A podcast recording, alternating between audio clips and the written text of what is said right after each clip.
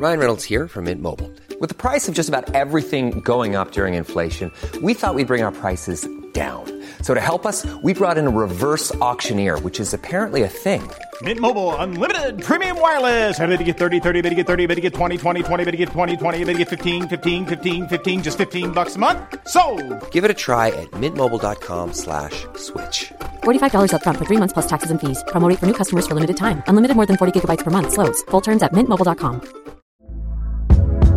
Hey there, it's Michelle Norris. I'm host of a podcast called Your Mama's Kitchen. When I travel, I'm usually looking for a way to find a taste of home when I'm not at home. And one of the things I love to do when I am at home is entertain. And Airbnb allows me to do that. When I was in California recently, I rented a house that had a great kitchen. And when we were sitting around the table, we we're all thinking, we're in someone else's house. Someone could be in all of our homes as well. If you have a home, but you're not always at home, you have an Airbnb. Your home might be worth more than you think. Find out how much at airbnb.com/slash host. Ready to pop the question? The jewelers at BlueNile.com have got sparkle down to a science with beautiful lab grown diamonds worthy of your most brilliant moments. Their lab grown diamonds are independently graded and guaranteed identical to natural diamonds, and they're ready to ship to your door. Go to BlueNile.com and use promo code LISTEN to get $50 off your purchase of $500 or more. That's code LISTEN at BlueNile.com for $50 off. BlueNile.com code LISTEN. Hey, it's Ryan Reynolds, and I'm here with Keith, co star of my upcoming film, If, only in theaters, May 17th. Do you want to tell people the big news? All right, I'll do. Sign up now and you'll get unlimited for $15 a month and six months of Paramount Plus Essential Plan on us. Mintmobile.com slash switch. Upfront payment of $45 equivalent to $15 per month. Unlimited over 40 gigabytes per month. Face lower speeds. Videos at 480p. Active Mint customers by 531.24 get six months of Paramount Plus Essential Plan. Auto renews after six months. Offer ends May 31st, 2024. Separate Paramount Plus registration required. Terms and conditions apply if rated PG. Du lyssnar på en produktion av Novel Studios. Det är svårt att veta när hon började tappa kontrollen över situationen. Även om den aldrig gick att hålla tag i. Men hon försöker. För barnen, för deras vänner och för honom. För att ingen ska tycka att han är konstig. Men till slut går det inte längre. Det här är en populärvetenskaplig podcast där vi utforskar psykologiska fenomen bakom mänskligt beteende. Med särskilt fokus på beteenden som kan bli farliga och som ibland ligger oss närmare än vi själva tror. Jag heter Katarina Hovner och är rättspsykiatriker och forskare. Och jag heter Shilan Kaman och är beteendevetare och forskare. Du lyssnar på Det mörka psyket om demens, andra delen.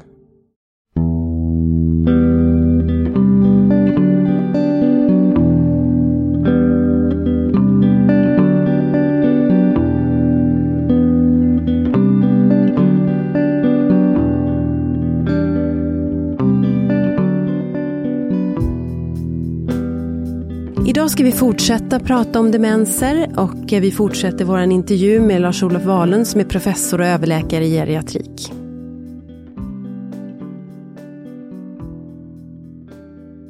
Familjen drabbas ju väldigt, väldigt hårt. Och i synnerhet när man, när man har barn. Eh, och det är inte barn utan barn. Alltså där de har, jag har varit, sett flera fall där det varit barn som varit i skolåldern. Jätteknepigt för de barnen. För att de har alltså, de kan inte ta hem kompisar, de skäms för sin, sin mamma eller pappa. Som kanske dessutom är, om det är en mindre ort eller de är kända, gör bort sig, skämmer ut sig. Och, och så är de, det är en väldigt, väldigt besvärlig situation för dem. Ja, man kan tänka sig liksom på föräldramötet Ja, och ja, liksom ja. gå dit och inte Ack, kan ja, hålla ja, igen och ja. ack gud. Ja. Mm. Men hur brukar det, du sa att det, det dröjer innan just frontallobsdementa kan liksom diagnostiseras och kommer till vården så för att de själva förstår inte. Mm. Nej, inte så. Men då brukar det vara anhöriga antar jag som larmar. Ja. Ja. Jag kan tänka mig också att det kommer ofta ibland via psykiatrin kanske för Ja. att det blir något liksom. Det är ganska vanligt. Psykiatrin är ganska duktiga på att upptäcka. De märker att det här stämmer inte riktigt med våra diagnos, eller vårt sätt att diagnostisera psykiatrisk sjukdom. Och då får vi ofta remisser till för utredningar. Och eh, ja, det, det, det, och de har en, alldeles i början en, en, en klockren psykiatrisk diagnostik som inte är psykiatrisk utan den är beroende på en, den här frontalobsdemensen. Och, och de, den gruppen, de har inte problem med närminnet på samma sätt? Nej. Som, nej. Eh, den är inte alls. De, de, de kan ha bra minne och eh, mycket bra andra funktioner också. Det är... är det rätt att det är under samma paraply? Jag bara funderar att det här är en demenssjukdom. Ja, om... den, är, den progrederar, den ja. är neurodegenerativ. Ja. Att, men för all vi kan tala om kognitiva sjukdomar istället. Så, ja. Ja, ja, precis, men jag tänker att det är en så skild liksom, sjuka från då kanske Alzheimer. Ja, mm. Men den är, den är neurodegenerativ, alltså det är en, en progredierande nervcellsdöd som Sen är ju frontallobsdemens väldigt spännande för att på sista åren har man ju lärt sig väldigt mycket kring genetiken. Alltså den är ju väldigt genetisk. Jag tror man kan säga ungefär hälften av alla fall har en genetisk bakgrund. Varav ungefär hälften av den hälften har en mutation. Det finns flera mutationer identifierade. Och det är, det är lite hoppfullt därför att här har man, håller man på nu med eh, eh kliniska prövningar för där man går in i genetiken och hittar alltså den direkta, vad som orsakar skadan och så försöker man rätta till det. Så att här har man, jag tror att inom några år så kommer vi ha ganska effektiv eh, medicinering för de här patienterna. Vilket för några år sedan var fanns ingenting för tio år sedan, inte någonting. Karin växer upp med sin mamma i en lägenhet i innerstan. Hon spenderar mycket tid på ridskolan och går med sin mamma till judiska församlingen. Hon får anstränga sig i skolan och får extra stöd i flera ämnen. Men hon tar studenten med höga betyg, studerar vidare och får ett jobb på en högt ansedd redovisningsbyrå. Det är där hon träffar Hans. Hon övertalar honom att äta en middag tillsammans, trots att företaget inte tillåter relationer mellan medarbetare. Under månaderna som går träffas de allt oftare. För sin syster berättar hon att hon mött den smartaste personen hon någonsin träffat. Att hon kan vara sig själv med honom. De blir till slut ett par och flyttar utomlands när de båda får möjligheten att arbeta för samma företag.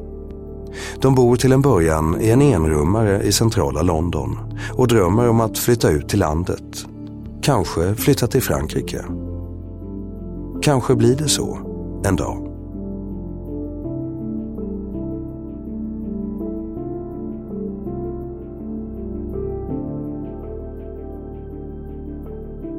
Finns det någonting, alltså jag tänker fysiska skador, är det någonting som kan ha effekt på något sätt? Du menar man skulle få, eh, inte att man får en... Jag menar att man förvärvar skador och av, av den anledningen liksom utvecklar du kan, få, du kan få hjärnskador som sitter i, i pannloben, absolut, och de får ju samma. Just det, ja. men inte så att det ökar risken nej, då för demenssjukdom? Nej, de progrederar ju inte, de går ju inte vidare, så att säga, de har ju den skadan, men de kan bete sig på ett frontallobsdemensliknande sätt. Så det är mer liksom själva symptomen som kan ja. Eh, liknas vid varandra? Ja. Mm. Ja, precis. Hur är det med det då? Våld mot huvud, alltså så här boxare har man ju ja, hört. Boxning, eh, eh, amerikansk fotboll, fotboll med nickning har man tittat på. Det finns en del studier som pekar på att det inte är så bra. Man har inte sagt upp det som en riskfaktor ännu, men det är kanske, jag vet inte vad det beror på, om det är för lite material, man har inte tittat på det. Men, men det är klart intressant att titta på. Det finns studier där man har sett att eh, man får en ökning av en del, några av de proteiner som är, som är typiska vid Alzheimer, de ökar väldigt kraftigt i hjärnan efter en boxningsmatch. Så att det, det är inte helt ofarligt. Då. Efter, man tittar på hur många slag mot huvudet de fick och då har man mätt i cerebrospinalvätskan har man mätt de här proteinerna, det har ökat. En, en annan sak som jag funderar på, eh, alkoholdemens pratar man ibland mm. om. Vill du säga något om det?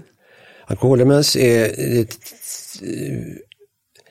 ganska, det är ett, ska vi säga, oh, man har inte forskat tillräckligt mycket på det.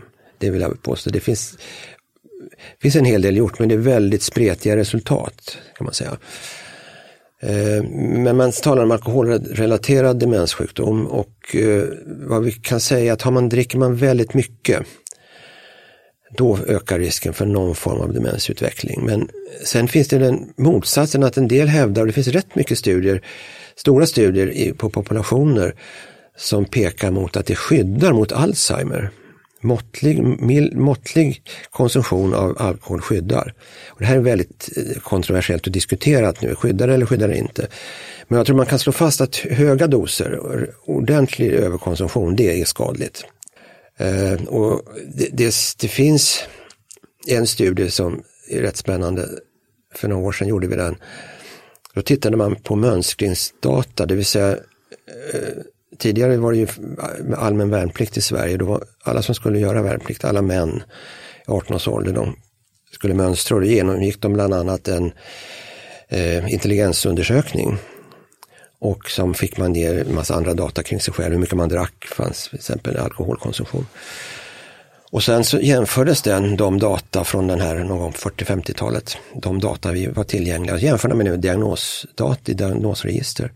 Och då kunde man se ett väldigt starkt samband mellan tidig debut av demens, det var, det var lite mer ospecifikt, men tidig debut av demens och låga resultat i intelligenstesterna vid mönstring och hög alkoholkonsumtion vid mönstring. Var väldigt, väldigt starkt korrelerat till senare insjuknande i demenssjukdom. Så att det finns, där fanns en väldigt stark koppling. Och det var också i diagnosregistret kunde man också se episoder av eh, vård för alkoholskador. Så att det, man såg att det var en, och de utvecklade senare då en, en, en tidig demenssjukdom. Så det, det finns, eh, men fortfarande när det gäller de här vanliga, hur mycket, om man dricker måttligt eller lite, eller det vet vi inte så mycket om. Det behövs mer forskning kring det.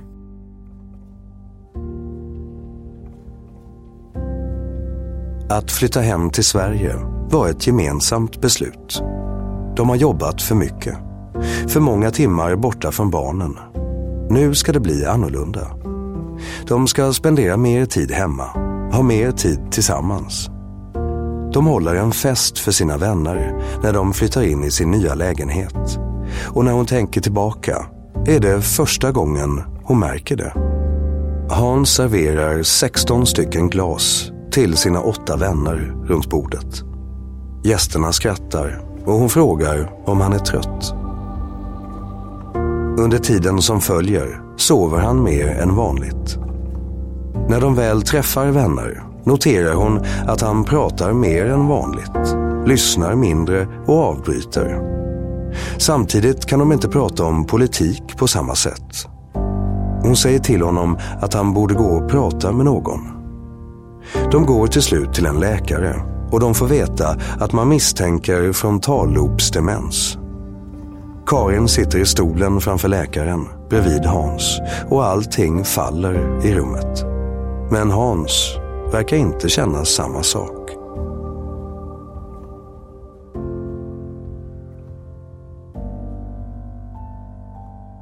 Sen så finns det ju en, en speciell term, en förkortning som handlar om just eh, BPSD. BPSD, ja. ja. Ska du säga vad det står för? Ja, först? beteende och eh, psykiatriska symptom vid demens. Det är förkortningen. Och det här är ett begrepp som innebär att under demenssjukdomen så uppvisar man i stort sett alla, och oberoende vilken typ av demenssjukdom, så får man någon gång under demenssjukdomen så får man psykiatriska symptom eller stora beteendeförändringar. Man ska komma ihåg att en demenssjukdom, man är demenssjuk i 5 till 10 till 15 år. En väldigt lång sjukdomsprocess. Och, och det händer ju mycket under den tiden. Och det vanligaste eh, eh, utav de här symptomen det är depression, ångest, sömnsvårigheter, det, det förekommer.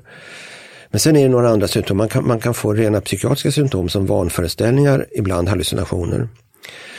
Eh, mot, när man är lite mer långt gången demenssjukdom, lite svårare demenssjuk, då får man det här med som kallas för vandringsbeteende. Man promenerar runt, går, går hela tiden. Eller skrik och ropbeteende. Man ropar hallå eller aj, aj, aj. Och det här pågår ständigt. Och ganska besvärligt för omgivningen. Men det, kan, det, det är under den här gruppen BPSD. Men det finns en del fall där vi har sett att ibland kan det leda till Eh, ja, våldsverkan beroende på ett BPS-symptom. Och som jag nämnde, de här vanföreställningarna, väldigt vanligt är det paranoida vanföreställningar. Och varför de här uppstår, de här, varför man får de här, det finns lite olika teorier. Men en teori är att, som jag tror själv på väldigt mycket, det är att sjukdomsprocessen, demenssjukdomen har gjort att jag som sjuk inte uppfattar eller tolkar omgivningen på samma sätt som jag gjorde innan. Jag feltolkar omgivningen. Och den här feltolkningen leder till, för mig, rationell handling. Men för oss som tittar runt omkring så förstår vi inte. Men om jag uppfattar det på det här sättet, då borde jag göra så här. Till exempel, jag uppfattar att jag blir hotad av den som kommer in i rummet. Du, du, har en, du, vet inte, du vet inte riktigt vad det är, du känner inte igen dig, kommer in en främmande person, för dig främmande. Det kanske inte alls är främmande, du uppfattar den som främmande. Och sen gör någonting, kommer fram en spruta i handen och du tänker, då blir du ju jätterädd förstås. Så en naturlig reaktion det är att värja sig. Och kanske man då är lite, eh, ja, har lätt för att slåss så klipper man till.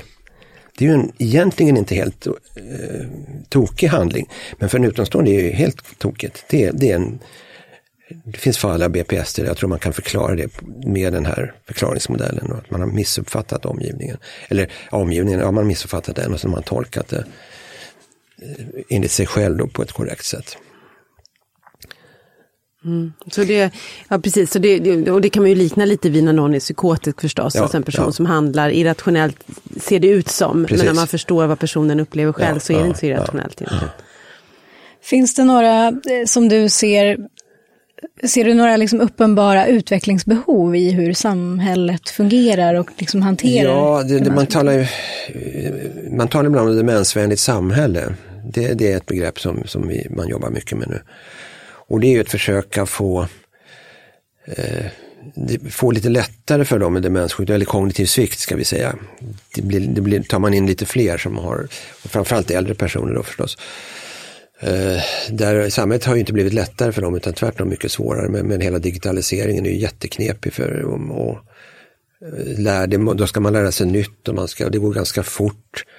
När man blir äldre och speciellt när man blir demenssjuk så går ju tempot ner. Man eh, allting går ju mycket långsammare, man uppfattar saker på, tar mycket längre tid och då går det för fort, då är man ju bort, då hänger man inte med alls. Så att det här demensmedlet för samhälle, det, det är någonting man, man försöker på olika sätt få eh, affärer och, och, inte, ja till exempel kunna, för det viktiga för en demenssjuk är att kunna hantera vardagen. Det är det man vill sträva efter, att man ska kunna klara av att handla mat och förflytta sig i kommunal inom den, eh, kommunala transporter, åka buss, åka tunnelbana. Och då ska det ju demensvänliga samhället göra så att det blir lättare för en som har svårt att göra det. Och det är någonting man önskar i alla fall. Sen har vi inte, jag tycker, sett så mycket resultat av det tyvärr. Men det är, det är en stark önskan att göra det. Det, det är ingen som, vi förlorar ju som, som har vår kognition, vi förlorar ingenting på det alls. Menar jag.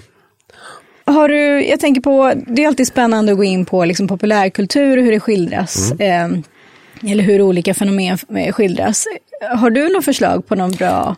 Ja, jag tänkte främst på filmer då. Det finns ja. några filmer som jag tycker är väldigt bra. Det, det, den senaste var ju The Father. Ja, den är fantastisk. Ja. Med Anthony Hopkins och Olivia Colman. Den var, eh, den var bra, inte minst på det sättet att den skildrade demenssjukes mm. genom hans ögon som var väldigt, jag tyckte det var väldigt bra gjort. Man får en väldig får, förståelse för ja. obehaget. Ja. Det, det, kan liksom... Vilken ångest och vilken skräck egentligen. Ja. Det, det, när man vaknar upp och inte känner igen sig, då kommer in främmande personer och man sammanhanget är borta, det visar väldigt tydligt. Han förstod inte vad som hände. Det var fragmenterat och det här ledde till en väldigt, väldigt oro och ångest. Det, det var en väldigt bra skildring. Det, det är ett exempel. Eh, en sång för Martin, lite äldre, som bygger på ja, Billy August gjorde den filmen. Och den bygger på en bok av Ulla Isaksson som heter Boken om E. Hennes man då som också fick en demenssjukdom som hon beskrev det ganska fint. Och filmen tycker jag också väldigt fint beskriver. Och det är ju, ja, jag, precis, jag har både läst den och sett den. Ja, jag tycker också ja, det är väldigt bra. Ja. Och det, det, vi vet också att han ju gick in väldigt mycket för att du hade samtal med honom va? Ja, Inför ja det han, han skulle lära sig hur man inte, det finns en scen där han ska öppna ett paket och han, han visar då det här dyspraxi som ett exempel. Alltså man har svårt Symptom, man har svårt att hantera händerna, man har svårt att öppna, svårt att knäppa knappar. Så det visar väl, till inte bara river han sönder. Så här, det var, det var. Sen finns det en, en lite mer dokumentär film som heter Ulla, Lasse och Ulla, heter den, Lasse och Ulla. Den kom 99 tror jag. Eh, det var Johanna Winblad som gjorde den, en väldigt fin skildring av ett par där han blir sjuk. Och sen har hon följt dem under nio år. Under hela sjukdomsförloppet till han avled så, till slut. Också en väldigt fin skildring av en, en, ja, en, en demenssjuksresa i, i Stockholm. Så att det rekommenderas också. This is Paige, the co-host of Giggly Squad, and I want to tell you about a company that I've been loving, Olive and June. Olive and June gives you everything that you need for a salon quality manicure in one box. And if you break it down, it really comes out to $2 a manicure, which is absolutely insane. It's also so easy to get salon worthy nails at home with Olive and June. The difference between how your nails used to look when you did them yourself and now with the Manny system is a complete game changer. The best thing about Olive and June too is it's a quick dry. Dries in about one minute, lasts for five days, and full coverage in up to one to two coats. Visit oliveandjune.com slash perfectmanny20 for 20% off your first system. That's oliveandjune.com slash perfectmanny20 for 20% off your first system. Hey, I'm Ryan Reynolds. At Mint Mobile, we like to do the opposite of what Big Wireless does. They charge you a lot, we charge you a little. So naturally, when they announced they'd be raising their prices due to inflation, we decided to deflate our prices due to not hating you. That's right. We're cutting the price of Mint Unlimited from $30 a month to just $15 a month. Give it a try at mintmobile.com slash switch. $45 upfront for three months plus taxes and fees. Promo for new customers for limited time. Unlimited more than 40 gigabytes per month. Slows. Full terms at mintmobile.com. Hey, it's Ryan Reynolds, and I'm here with Keith, co star of my upcoming film, If, only in theaters, May 17th. Do you want to tell people the big news? All right, I'll do it. Sign up now and you'll get unlimited for $15 a month in six months of Paramount Plus Essential Plan on us. Mintmobile.com slash switch. Upfront payment of $45 equivalent to $15 per month. Unlimited over 40 gigabytes per month. Face lower speeds. Videos at 480p. Active Mint customers by 531.24 get six months of Paramount Plus Essential Plan. Auto renews after six months. Offer ends May 31st, 2024. Separate Paramount Plus registration required. Terms and conditions apply if rated PG. Everyone knows therapy is great for solving problems, but getting therapy has its own problems too, like finding the right therapist, fitting into their schedule, and of course, the cost. Well, BetterHelp can solve those problems. It's totally online and built around your schedule. It's surprisingly affordable too. Connect with a credentialed therapist by phone, video, or online chat, all from the comfort of your home. Visit betterhelp.com to learn more and save 10% on your first month. That's BetterHelp, H E L P. Burrow is a furniture company known for timeless design and thoughtful construction and free shipping, and that extends to their outdoor collection. Their outdoor furniture is built to withstand the elements, featuring rust-proof stainless steel hardware, weather-ready teak, and quick-dry foam cushions. For Memorial Day, get 15% off your Burrow purchase at burrow.com slash ACAST and up to 25% off outdoor. That's up to 25% off outdoor furniture at burrow.com slash ACAST. I'm Sandra, and I'm just the professional your small business was looking for. But you didn't hire me because you didn't use LinkedIn jobs. LinkedIn has professionals you can't find anywhere else, including those who aren't actively looking for a new job but might be open to the perfect role, like me. In a given month, over 70% of LinkedIn users don't visit other leading job sites. So if you're not looking on LinkedIn, you'll miss out on great candidates like Sandra. Start hiring professionals like a professional. Post your free job on linkedin.com/people today.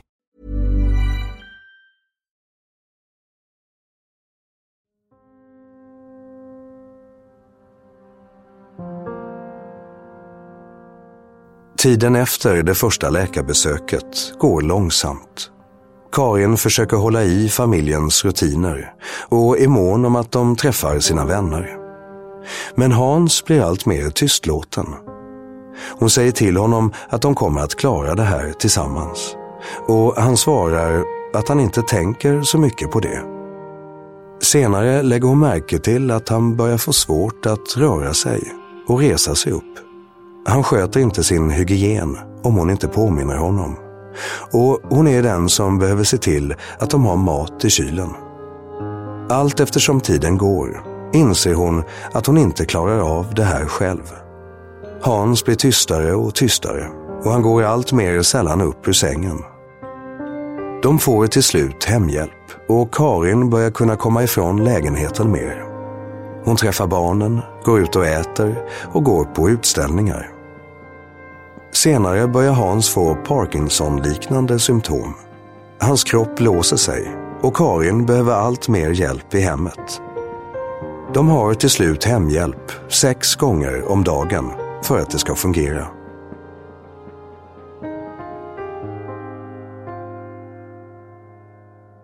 Finns det några, någon missuppfattning eller så kring demenssjuka Ja, som du tycker att man det, borde?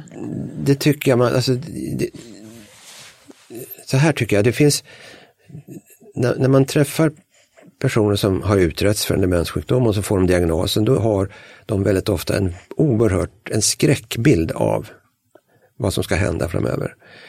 Och det tycker jag är lite tråkigt och lite synd, så att, för det är oftast inte så illa. Därför får man det, för det första tar allting mycket, mycket lång tid. Många gånger är bilden att jag om ett år så är jag ett paket. Då är jag helt, och, och jag vill inte vara med om det och det kommer mycket eh, svarta tankar om det. Eh, men, men det är ju så att det, det händer ju inte så mycket. Eh, du har dina minnesstörningar. Det som är problematiskt, och det tycker jag är viktigt att poängtera, det är om du försöker dölja det. Vilket man, många gör i början, vill inte, vill inte visa att de har en minnesstörning eller att de har svårt att hantera saker, och svårt att hantera en kaffebryggare eller en diskmaskin eller så. Utan de försöker dölja det och det går inte därför till slut så, så, så kommer någon att upptäcka det. Det är mycket bättre att vara öppen med det. Och det brukar jag rekommendera patienten att vara helt öppen med det för då blir det mycket lättare. Då hjälper folk till. Eh, och man har stor förståelse för att det, det är lite rörigt eller att man inte kommer ihåg, man får påminna om saker och ting. Men om man får den hjälpen under en tid, ett eller två år, då brukar det gå ganska bra. Det händer inte så himla mycket de första åren, man kommer ganska, om man kommer rätt så tidigt. Så tycker jag den här vanbilden av hur förfärligt det är, det tycker jag är tråkigt, därför det är oftast inte så illa. Sen kan man ju naturligtvis ha oro och ångest ändå för sjukdomen, självklart, det måste man ha förståelse för. Men att det skulle vara så snabbt och det skulle vara så förfärligt hemskt, det tycker jag är fel, det är inte så. Sen ska vi komma ihåg att eh, man lever länge med sin sjukdom och sista tiden är oftast då på ett äldreboende där man får mycket hjälp och stöd och stimulering. Den tillvaron kan också vara väldigt fin och meningsfull för många. Det tror jag är väldigt viktigt också att poängtera. Så det är inte alls den här, ta bort det här negativa kring det. Det är en hemsk sjukdom, absolut. Men riktigt så illa som många tror att det är, det är det inte.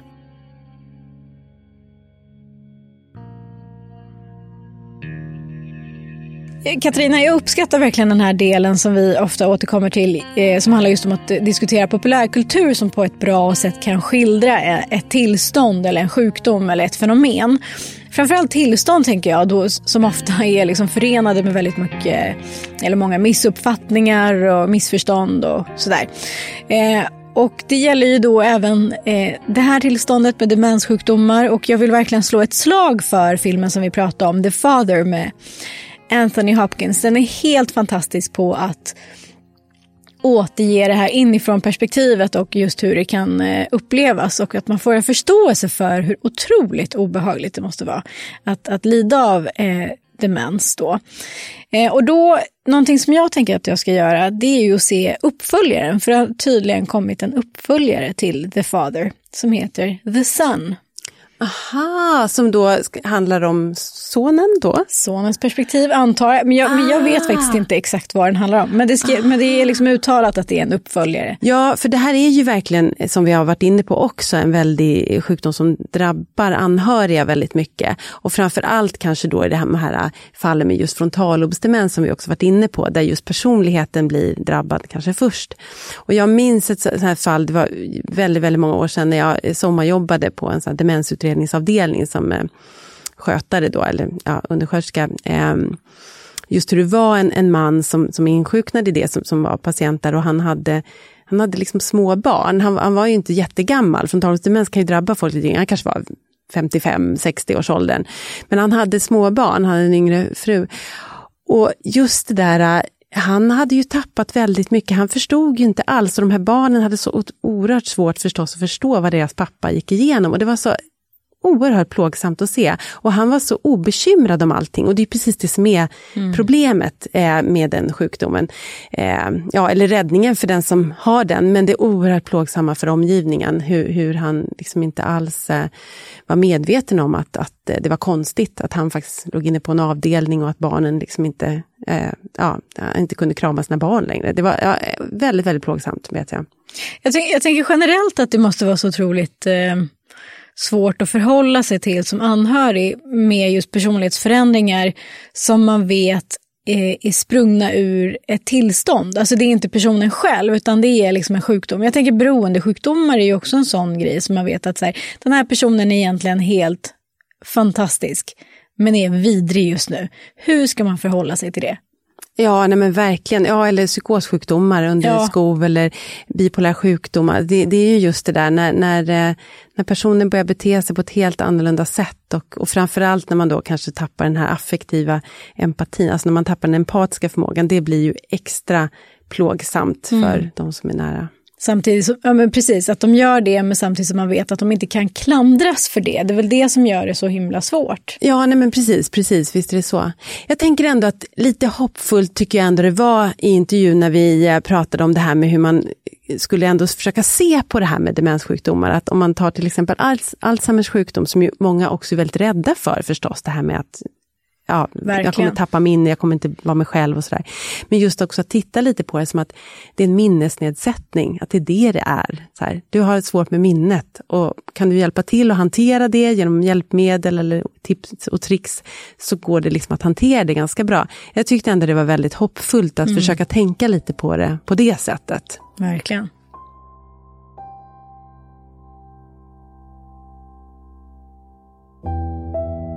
Karin tar på sig de blå skoskydden och hälsar på någon som passerar henne i entrén. Hans sitter i sin rullstol i uppehållsrummet.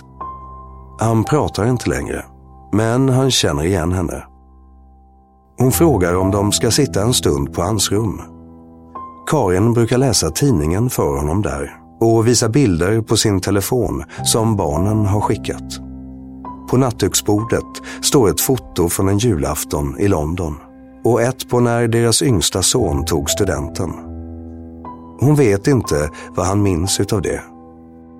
I början frågade han om det, men nu var det länge sedan han sa något alls. Karin läser högt ur tidningen som hon har med sig och sänker ljudet från tvn. Hon ställer frågor till honom, även om hon vet att hon inte får några svar om det var bra mat till lunch, om det är någon ny som flyttat in på boendet. När hon läst klart ekonomi och kultursidorna lägger hon tidningen på hans säng. Hon vattnar växten på byrån och sätter sig intill honom. Han tar hennes hand och de tittar ut över parken nedanför. De sitter så ett tag tills det börjar skymma utanför så kommer någon i vårdpersonalen in och säger att besökstiden är slut. Karin säger att hon kommer tillbaka och läser tidningen imorgon. Det kommer hon att säga varje dag.